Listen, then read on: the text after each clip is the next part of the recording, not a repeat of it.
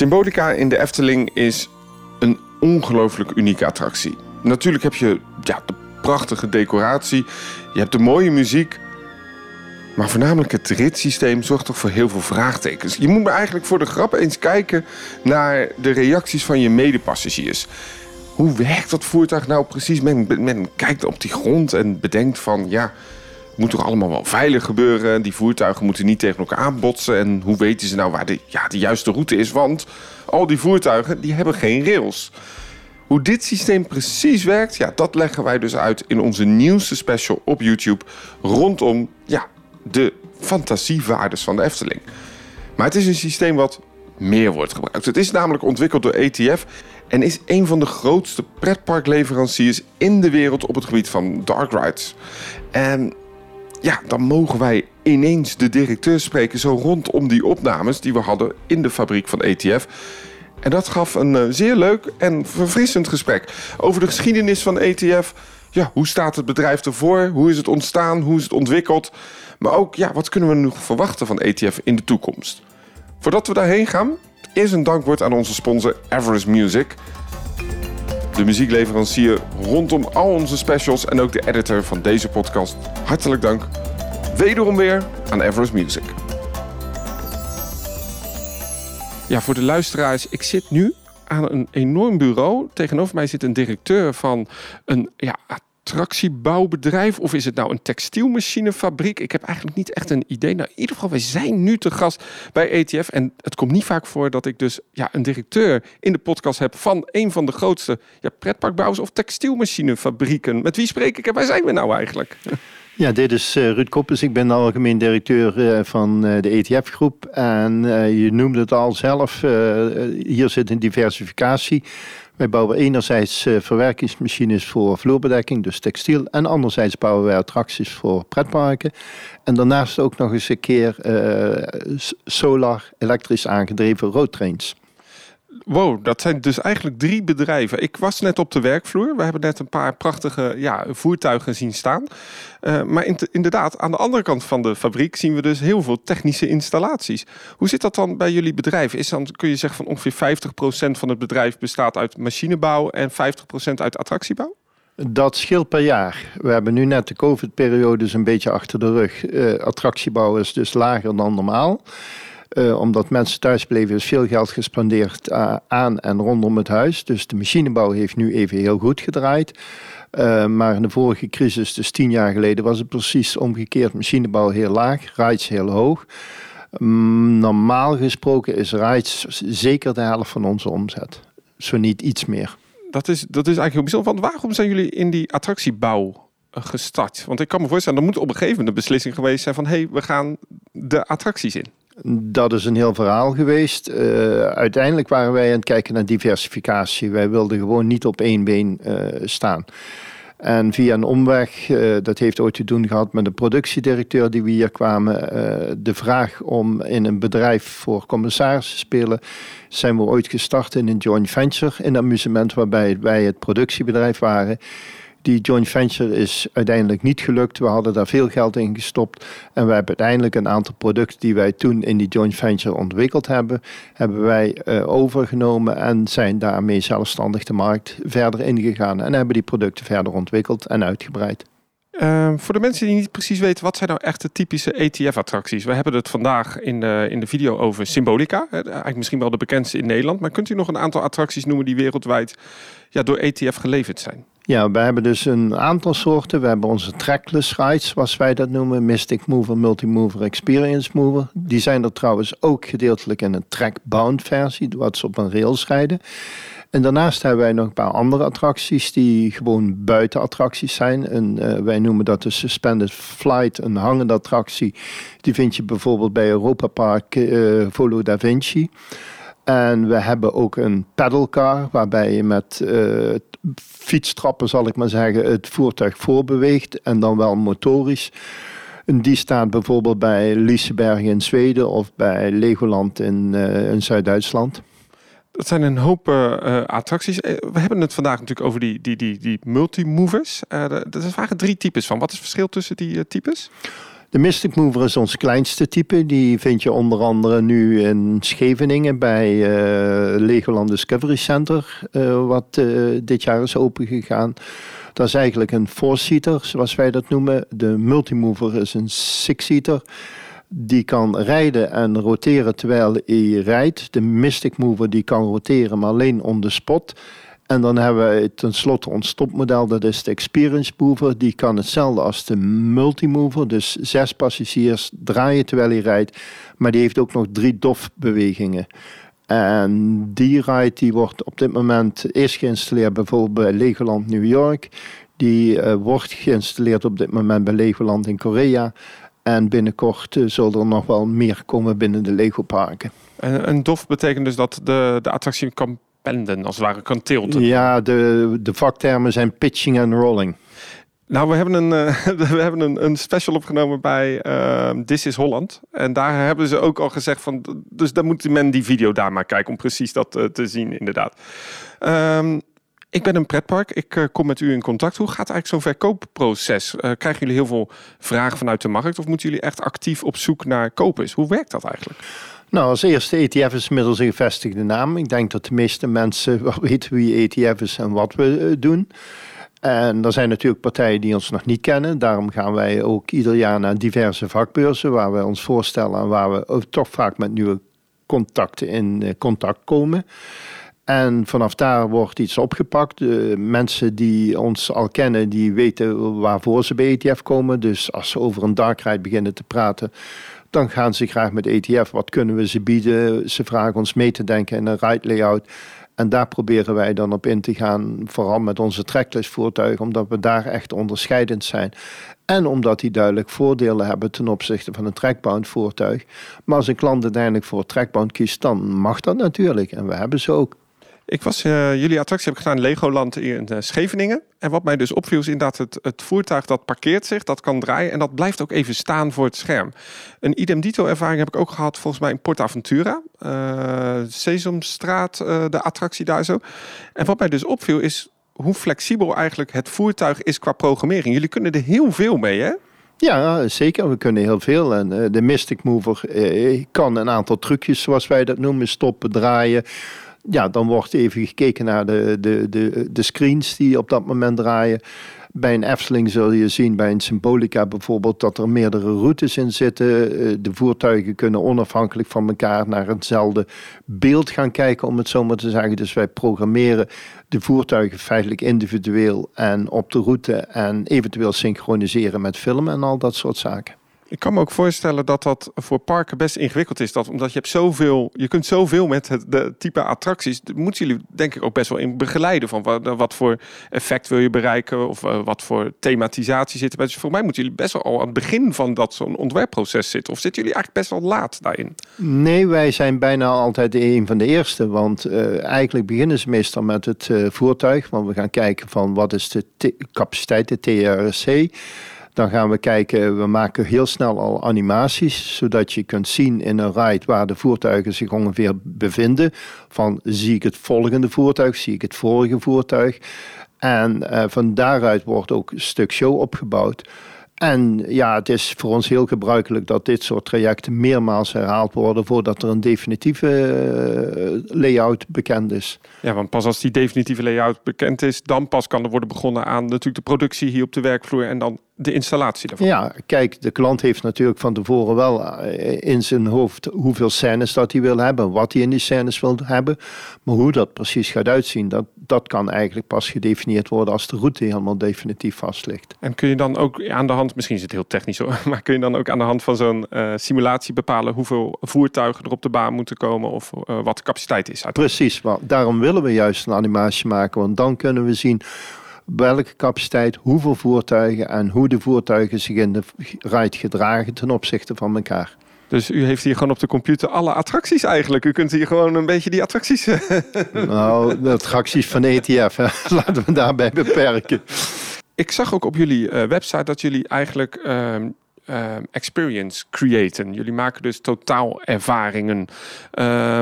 In hoe wat voor opzicht is dat? Betekent dat eigenlijk bij jullie? Want ja, je maakt zo'n attractie. Ehm, uiteindelijk ja, is het maar een voertuig. Hoe maak je dan die hele beleving compleet? Nou, die maken we echt niet alleen, want eh, de designers en de showmensen die vertalen natuurlijk uiteindelijk het verhaal. Wij brengen de experience door diverse bewegingen in de, in de rij te brengen. Door, uh, we hebben een aantal rides waar een dummy voertuigje tegemoet komt bijvoorbeeld. Die heb ik gedaan in uh, Dubai. In Abu Dhabi bedoel ik. In Warner Brothers. Ja, ja dat klopt. Daar staat er eentje. Er staat er eentje bijvoorbeeld bij Vulcania. En er zijn er meerdere waar inderdaad met een dummy voertuig. En dat is ook een beleving creëren. En dat kun je omdat je trackless bent. Ik zag ook bij Symbolica dat zelfs als de attractie nog geïnstalleerd, jullie nog wel wat nuances kunnen uh, maken in de programmering. Hè? Uh, de meest fine-tuning vindt altijd on-site plaats. Je kunt theoretisch heel veel bedenken, maar als je dan echt in het voertuig zit en dan zegt de designer, ja, maar ik wil er een beetje meer naar links, een beetje meer naar rechts, ik wil iets sneller, ik wil iets langzamer. Ja, dat soort dingen, dat is altijd fine-tunen on the spot. Maar dat is natuurlijk wel het unieke van de attracties die jullie leveren. Want een achtbaan, nou die zou je misschien iets langzamer omhoog kunnen takelen. Maar die zal met dezelfde snelheid naar beneden gaan. Dus eigenlijk, um, om maar eens even een marketingterm erin te gooien, een unique selling point. Hè, dus een uniek uh, ja, verkoopargument als het ware. Is dat die attracties gewoon heel... Uh, ja, hoe zou, ja, hoe zou je dat kunnen vertalen? Wat is jullie unieke ja, selling point van die attracties? Is dat de flexibiliteit? Het is flexibiliteit, maar het is veel meer. Ik bedoel, uh, bij onze trackless attracties heb je overdag geen extra stroom nodig. Zet je een nieuwe grote ride neer, dan heb je een extra stroomvoorziening. Wij laden voertuigen s'nachts, want ieder voertuig heeft zijn eigen batterij in boord. Dus ik heb overdag geen extra stroom nodig. Bijvoorbeeld bij stroomuitval of bij een calamiteit. Onze voertuigen kunnen bijna altijd teruggebracht worden naar het station. Je hoeft niet in de rij te evacueren, omdat de voertuigen zijn eigen batterij aan boord hebben. Uh, qua maintenance kost, we hebben geen sleepcontacten, al dat soort uh, dingen die verslijten. Dus je zit gunstige maintenance. Uh, parken hebben piekdagen en lage dagen. Ik heb heel snel een voertuig in en uit de baan gehaald. Dat is feitelijk een plug, een stekker erin en een joystick eraan en ik rij een voertuig weg. Als je dat met een trek doet, dan moet je met een wissel gaan werken. Dan ben je gauw een uur kwijt en dan heb je een voertuig eruit of erin. Dat zijn allemaal voordelen die een trackless voertuig biedt ten opzichte van een trackbound voertuig.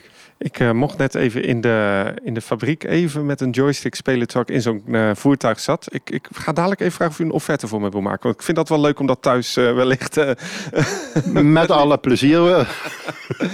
um, waar zit de ontwikkeling van ETF op dit moment? Wat zijn jullie innovaties? Nou, onze laatste innovatie is dat wij de techniek die we in Trackless al op het droge gebruiken nu naar water vertaald hebben. Dus wat we voorheen in bijvoorbeeld Symbolica doen, dat kunnen we nu ook in water doen. Dus we kunnen precies hetzelfde wat we op land doen, nu in water doen. Alleen ik heb geleerd op de middelbare school, water en elektra gaan niet zo samen.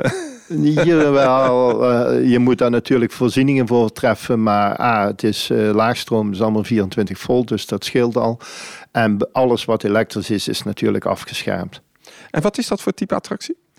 Wij noemen het uh, eh, ETF Aquamover. En daarbij hebben wij niet alleen nu een voertuig ontwikkeld, maar we hebben meteen ook een concept daarbij ontwikkeld, wat voor waterparken bijvoorbeeld geschikt is. En dat noemen wij Tiki Splash. Dat heb ik al gezien op jullie website en ik kreeg een prachtige folder vanuit de marketing uh, om dat te zien. Ontwikkelen jullie dat? Ja, waarom ontwikkelen jullie dat? Want je kunt ook zeggen, we wachten gewoon op de vraag vanuit de markt. Ja, uh, omdat wij in het verleden geleerd hebben toen wij onze tractors voertuigen in de markt zetten, dat het toch wel even nodig had voordat mensen echt begrepen wat ze ermee konden doen. Daarom hebben we het nu omgedraaid. We hebben A, het voertuig ontwikkeld, maar meteen een concept bijgezet om de mensen en de markt te laten zien wat je nou met zo'n watervoertuig kunt gaan doen. Bijvoorbeeld, wij zijn denk ik de eerste die nu met een voertuig een spelelement in een water brengt. Normaal, ja, watershooters aan boord, leuk, aardig. Maar wij hebben er een game van gemaakt. Nou, daarvoor, daarmee willen wij onderscheidend zijn. En ik zag ook bij de Piraten Darker, mag ik dat zo noemen, de Pirate Party, uh, dat het ook een heel klein vloeroppervlakte hebt. Ik kan me voorstellen dat dat voor parken als de Efteling misschien te klein is, maar voor welke parken moet ik denken dat zoiets... Ja, ja we hebben inderdaad een uh, mini dark nog ontwikkeld, die noemen wij Pirate Mania. En die hebben we eigenlijk ontwikkeld voor de FEC market, voor de entertainment centers bij de malls Die komen wij hier in Nederland niet direct tegen. Maar als je naar het Midden-Oosten gaat, Amerika, dan is dat heel gebruikelijk. En wij denken dat daar ook een markt is voor een kleine dark ride, waar misschien maar 200 mensen per eh, uur doorheen hoeven te gaan. Dus niet een size die bij een pretpark past. Ook hier weer, het systeem is eigenlijk ja, flexibel. Je kunt van lage capaciteit, hoge capaciteit, het kan achteruit, vooruit. Het is eigenlijk net een beetje wat de, de klant uiteindelijk wilt. Ja, natuurlijk. Klant bepaalt uiteindelijk. Jullie hebben ook een hele gave een dark ride gemaakt. Die is ook onderscheiden met volgens mij talloze awards. Popcorn Revenge. Ja. Uh, dat is wel een uniek daar. Kunt u daar iets meer vertellen? Wat is dat voor type attractie? Ja, het is eigenlijk een random ride. Je weet uh, van tevoren niet welke kamer dat je ingaat en de volgorde van kamers. En uh, je komt in de centrale hal en van daaruit schiet je een kamer in en je komt weer terug in de centrale hal en, enzovoort enzovoort. En inderdaad, uh, eh, ETF is heel trots dat wij uh, recentelijk drie jaar achter elkaar een TEA Award, dat is wat wij zo'n beetje de hoogste onderscheiding zien in de markt, hebben gewonnen. En uh, die hebben we gewonnen met, het eerste was Basilisk. Daarna kwam Popcorn Revenge en recentelijk was dat Sesamstraat bij Port Aventura, waarbij en alle drie de rides gebaseerd zijn op de ETF Multimovers. En waar kunnen we Basiliek vinden? Die staat in, in Polen, Oh, die heb ik gedaan. Die staat in Legendia dan. Ja, Die heb ik ook gedaan. Oh, ik heb ze gewoon alle drie gedaan. Ik heb zit in alle award-winning uh, rides van ETF ook gezeten. ja, dat is wel heel gaaf. Uh, wat ik daar ook heel tof vond inderdaad is... Um, en dat vind ik in principe van... Daarom vind ik deze video die ik maak hier ook zo leuk. Is dat zo'n attractie zoveel kan. En dat verbaast mij gewoon ook. Eh, dat het systeem is zo flexibel. En het is eigenlijk relatief, hè, maak even grote aanhalingstekens, eenvoudig. En inderdaad, wat u zegt, dat onderhoud is daardoor ook wat eenvoudiger en dus goedkoper voor park. Ja, en onmenselijk betrouwbaar. Ik bedoel, uh, 99,5% uh, betrouwbaarheid is, is, is normaal. En dat is erg hoog voor een attractie dat kan ik me voorstellen. 99, dus eigenlijk wat u zegt is 99 procent. Uh, het blijft gewoon werken eigenlijk. Technische uptime is heel hoog, ja. Ja, dus het kan zijn dat er een kleine storing is, maar dan kan dat karretje, of het voertuig moet ik zeggen, want ik mag geen karretje zeggen. Hè? Waarom mag ik geen karretje zeggen eigenlijk? Nou, als je weet wat zo'n karretje kost, dan denk ik dat je het anders gaat noemen. Het laatste eigenlijk waar ik nog even over hebben zijn uh, solar trains. Want we zeiden het eigenlijk al in de, in de intro. Uh, wat moet ik me daarbij voorstellen? Nou, wij hebben sinds twee jaar een, uh, een klein bedrijf overgenomen. Dat heette Soyos. Dat heet inmiddels ETF Soyos. En Soyos bouwt uh, road trains zoals we die kennen voor toeristenvervoer. En dit zijn 100% eh, elektrisch aangedreven treinen. En die uh, hebben daarnaast alles solardaken. Dus een gedeelte van de energie wekken ze zelf op vanwege de solardaken op de voertuigen en op de wagons. En de andere uh, gedeelte van de elektriciteit komt uit de batterijen van het voertuig. Green Mobility. Eigenlijk ook best wel een duurzaam idee. We hadden het net over de duurzaamheid van uh, de ETF Dark Rides. Maar het is eigenlijk ook best wel een duurzaam onderdeel van uw bedrijf. Ja, precies. En dat is toch ook waar we met de wereld naartoe willen. Uh, waar kunnen we zo'n roadtrain eigenlijk vinden dicht bij huis? Uh, er rijdt er eentje bij de Efteling. Ja, ja. ik ging daarheen, ja. er rijdt er bijvoorbeeld in Zeeland eentje. De meeste rijden in, in Frankrijk. De laatste hebben we bij een natuurpark in, in de buurt van Lille geleverd. Uh, ja, op diverse plaatsen. Gaat u zelf eigenlijk vaak naar pretparken? Even los van de sales, hè? Dus ik snap dat u af en toe wordt ingevlogen natuurlijk om... Nee, als de gelegenheid zich voordoet en je komt op bepaalde plaatsen, dan ga je zeker in parken kijken. En zeker als, er, als je ieder jaar als ik in Amerika kom, dan ga ik toch altijd kijken wat is er weer nieuw. En dan kijk je met name in het gebied waar wij mee bezig zijn. Ik ben zelf niet zo'n hele grote coaster fan, daar word ik een beetje ziek van.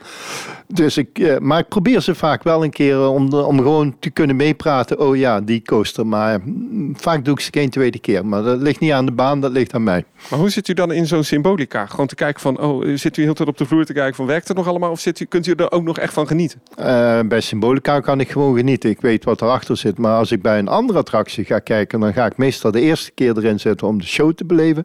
En de tweede keer ga ik kijken rondomheen naar de vloer, wat er allemaal is, hoe dat voertuig zich beweegt. Ja, en, en misschien nog als het van de concurrentie kunt u zeggen, nou, wij kunnen dit misschien wel uh, beter. ja, uh, en concurrentie is gezond, moet er zijn. En uh, ja, we kijken natuurlijk naar elkaar. Maar we zijn toch wel erg onderscheidend met onze trackless-voertuigen. Ik bedoel, uiteindelijk hebben wij nu rond de 750 voertuigen rondrijden. En dat is dus toch een behoorlijk stukje ervaring. Wat mij ook heel erg opviel was in het gesprek eh, dat we vooraf hadden voor deze opname, is dat het dus mogelijk is dat jullie ook in kunnen loggen in de attracties die overal ter wereld staan. Dus het onderhoud, wat we zijn hier in het kantoor van ETF, kan vanuit hier ook zelfs plaatsvinden. Ja, wij kunnen support on distance doen, zoals dat dan mooi heet. Dus als een klant een probleem heeft, dan kunnen onze software mensen inderdaad inloggen. Als de klant daartoe de lijnen openzet. En dan kunnen wij meekijken wat er aan de hand is. Welke ontwikkelingen ziet u eigenlijk nu in de huidige markt? Want ehm, we weten dat het lastig is geweest vanwege COVID. Misschien zelfs nog in een aantal landen zoals China nog steeds een heftig iets is. We hebben nu de grondstofprijzen die uh, out of the roof gaan. Hè? Dus die door het, door, door het dak gaan. Wat zijn eigenlijk de uitdagingen waar de markt in totaliteit nu voor staat? Goed, dat is een moeilijke zaak. Eh, als ik kijk naar een bedrijf als ons, dan is vooral het verkrijgen van de juiste medewerkers gewoon een probleem. Ik bedoel, wij kunnen genoeg omzet halen, maar de omzet wordt nu bepaald door het aantal medewerkers wat we kunnen krijgen. We zijn nog steeds groeiende, we groeien al jaren. Dat is voor ons echt, denk ik, eh, de nummer één waar wij als bedrijf mee te doen hebben.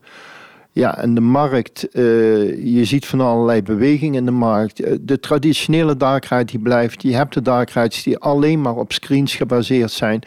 Het is puur waarvoor kiest men. Je ziet ook dat bijvoorbeeld, en die hebben de laatste jaren ook wel meer geleverd, dat het niet alleen de themaparken meer zijn, maar het zijn vaak ook uh, musea of educatieve rides die iets met voertuigen gaan doen. Om, en dat doen ze A, om uh, af te stappen van het traditionele museum, waar je loopt rond, je kijkt en je ziet het. Heel passief eigenlijk. Heel ja. passief. En, uh, en vaak pikken de mensen de essentie nog niet eens op waarom het echt gaat. En als je in een voertuig gezet wordt en je krijgt daar een story bij, dan wordt natuurlijk het accent gelegd op dat moment waar je op dat moment bent. Dus vaak komt het verhaal veel indringender bij je binnen. En mensen zien dat is een moderne manier van presenteren. Ja, ik snap heel goed wat je zegt. Dus eigenlijk, uh, je kunt die focus veel meer leggen op waar. Ja, je, je kunt letterlijk het voertuig draaien waar de mensen moeten kijken, natuurlijk. Dus je kunt ze heel erg gestuurd die richting uh, op, uh, op krijgen. Ja. Ik weet dat ik het niet mag vragen. Ik ga het toch doen. Waar, waar, wat, waar kunnen we ETF in de toekomst nog gaan zien? Uh, welke projecten mag ik weten? Of, of als ik het niet mag weten, waar, waar, waar moeten we een beetje naar gaan kijken? nou, uh, het project wat natuurlijk op de video staat, uh, dat is een heel speciaal project in Frankrijk. Grotte Quier. Uh, wij kennen het niet, maar de Fransen kennen het natuurlijk heel goed. Dus een verzonken grot die ooit in Frankrijk gevonden is, die als een replica nagebouwd is. Qua voertuigaantal ook tevens de grootste aantal ride die we ooit gebouwd hebben. Het is heel indrukwekkend. ik kwam in, ik kwam in, in, de, in de hal en ik, ik dacht, wow. Ik dacht, er staan drie, vier voertuigen, maar het, is echt immens groot. Ja, dat is een hele grote ride. Dat klopt. Dat is echt prachtig. En wat ik daar ook heel bijzonder van vond, is dat de, de coating van de voertuig is heel anders dan we kennen bijvoorbeeld bij een Symbolica. Die zijn natuurlijk uitvoerig gedecoreerd. Dit was eigenlijk heel zwart. ja, dat is precies wat de klant wil. Ik bedoel, bij uh, de Efteling wilde de klant heel duidelijk dat het voertuig heel nadrukkelijk aanwezig is. Is onderdeel van de show. En deze ruit die je hier ziet, uh, wil de klant juist het tegenovergestelde hebben. Het voertuig moet helemaal geen rol spelen. Het mag alleen de show zijn. Dus het voertuig is gewoon hartstikke zwart gemaakt. Het reflecteert gewoon geen licht. Nee, ja, precies. Bijzonder. Dus ja, dus eigenlijk is het voertuig helemaal geen onderdeel meer van de beleving. Nee. Althans, in zoverre, je zit erin. Het doet natuurlijk dat onderdeel, maar het wordt niet meegenomen in het verhaal. En dat is natuurlijk tegenovergesteld van Symbolica. Ja. ja dus en, en andere dingen. Ik bedoel, wij, uh, we hebben nu de Lego Ride die we bouwen voor de parken. De, de Factory Tour, zoals het heet. En als je daar kijkt naar het design van, de, van het body die is gebaseerd op de robot die in de echte fabriek rondrijdt. Als je foto's zou zien van de robot in de fabriek en je ziet het voertuig, dan zie je dat het twee zusjes zijn. Dus je kunt eigenlijk die body zelfs ook helemaal aanpassen. Het is niet de standaard body. Je kunt eigenlijk als je zo'n park zou willen, natuurlijk het kan, maar jullie zullen het vast aanbieden, maar je kunt dat ook helemaal vormgeven. Ja, natuurlijk. En dan blijft natuurlijk die puck, mag ik dat zo noemen, de, waar, waar zou zeggen de techniek in zit, dat blijft in principe hetzelfde los van decoratieve elementen. Precies. Het onderstel, het rijdende onderstel is eigenlijk een standaard en alles wat erboven zit is custom made. Waar bent u het meeste trots op wat u heeft geleverd? Uh, er is niet een trotse. Er zijn er te veel. Uh, ik bedoel, een Efteling, ja, we zijn er trots op. Maar wat we bijvoorbeeld in het Midden-Oosten en Warner Bros geleverd hebben, ben ik heel trots op. Wat we bij uh, Europa Park hebben staan, die Suspended Flight, vind ik een hele leuke attractie. En zo kan ik er nog echt een aantal opnoemen. Ik, ik heb geen echte favorieten en die, die zal ik waarschijnlijk ook nooit krijgen. Maar ik kan me voorstellen dat nu Symbolica is. Het ook wel fijn is dat er zo'n signature ride nu eigenlijk relatief vlakbij staat. Eh. Ja, natuurlijk waren we daar blij mee. En Efteling is sowieso een goede referentie. Ik bedoel, Efteling is uiteindelijk een van de grote wereldparken. Uh, het is niet echt een, een regionaal park. Dus wat dat betreft, iedereen in de wereld kent de Efteling. Ja, en het was niet jullie eerste project in de Efteling natuurlijk eigenlijk. Hè? Dat, uh, de kleren van de keizer, we gaan het niet uh, filmen. Dat, dat wil de Efteling niet. Die wil dat sprookje natuurlijk zo houden zoals we het normaal moeten zien. Maar daar zit uh, een flink stuk techniek in, ook door ETF. Daar zitten ja. de ETF-voertuigen onder, ja. Ik heb het gecheckt, ik mocht het zo zeggen. Want uiteindelijk is het natuurlijk ook de magie van, van, ja. van, de, van de voertuig. Ik moet zeggen, voor mij zit de magie altijd heel erg in de techniek hoor. Ik, wat ik hier vandaag zie, dan denk ik, wow, dan begin ik zo'n symbolica nog meer te waarderen eigenlijk. Want het feit dat die voertuigen niet tegen elkaar aan kunnen botsen, dat, dat kan echt niet. Gewoon, er zit zoveel techniek in uh, waarom dat niet kan. En nou, daar moet je maar de video voor zien als je dit hoort. Dat is indrukwekkend. Ja, maar het gaat hier uiteindelijk om mensen. En, en mensen en hun veiligheid staan natuurlijk heel hoog geschreven. Het is niet voor niks dat alle attracties uh, een keuring ondergaan. Maar ik kan me ook voorstellen, van je laat, uh, ik weet niet hoeveel mensen per keer in uh, symbolica in totaal kunnen, maar zeg een paar honderd man. Ja, die laat je toch op van die voertuigen zomaar rondrijden. Het, het, het is echt, echt een hele bijzondere attracties. Ja, dankjewel. Complimenten voor die uh, ontwikkeling. ETF dus hier in, in, in Nederwit. Nu ga ik ook een, een geheimpje prijsgeven aan, uh, ja, u weet het al, maar aan de luisteraars, is dat wij een video nooit chronologisch uh, opnemen. Dus dat betekent dat we het openingsshot met u nu gaan opnemen als einde van de, van de filmdag. Maar dat is een beetje raar dat we dus een stukje nog moeten gaan opnemen. Maar ik wil u wel ontzettend bedanken, uw team bedanken voor de gastvrijheid. Want wat ik ook in de opening zei, het komt eigenlijk nooit voor dat wij zo gasvrij worden ontvangen in een, ja, in een industrie of een gedeelte van de industrie waar normaal alle deuren gesloten zijn. En wij mochten vandaag hier echt letterlijk op de vloer lopen waar de magie eigenlijk gemaakt wordt, de technische magie. En mag ik u daar ontzettend voor bedanken. Heel graag. En uh, ja, de mogelijkheid was er, want ook wij hebben af en toe gesloten deuren. Denk eraan toen bijvoorbeeld hier Symbolica gebouwd werd, toen was dit bedrijf echt hermetisch afgesloten. En mochten alleen medewerkers binnenkomen. Dus wij hebben ook hier wel situaties dat het echt dicht is. Nou, fijn dat we dan toch hier naar binnen mochten gaan. Ik, uh, waar kunnen we, uh, als we meer willen weten van ETF, hebben jullie natuurlijk een prachtige website. Daar staan ook hele mooie productfolders. Voor de fans ook wel heel leuk, want dan kun je ook een beetje zien wat nou het verschil is tussen al die uh, systemen. Hè. Dat wordt daar heel prachtig en perfect uitgelegd. En uh, de video staat inmiddels online. Ja, ik kan vragen wat u ervan vond, maar daar moeten we nog opnemen. Dus dat. Ehm, dank voor dit, voor dit interview. Graag gedaan.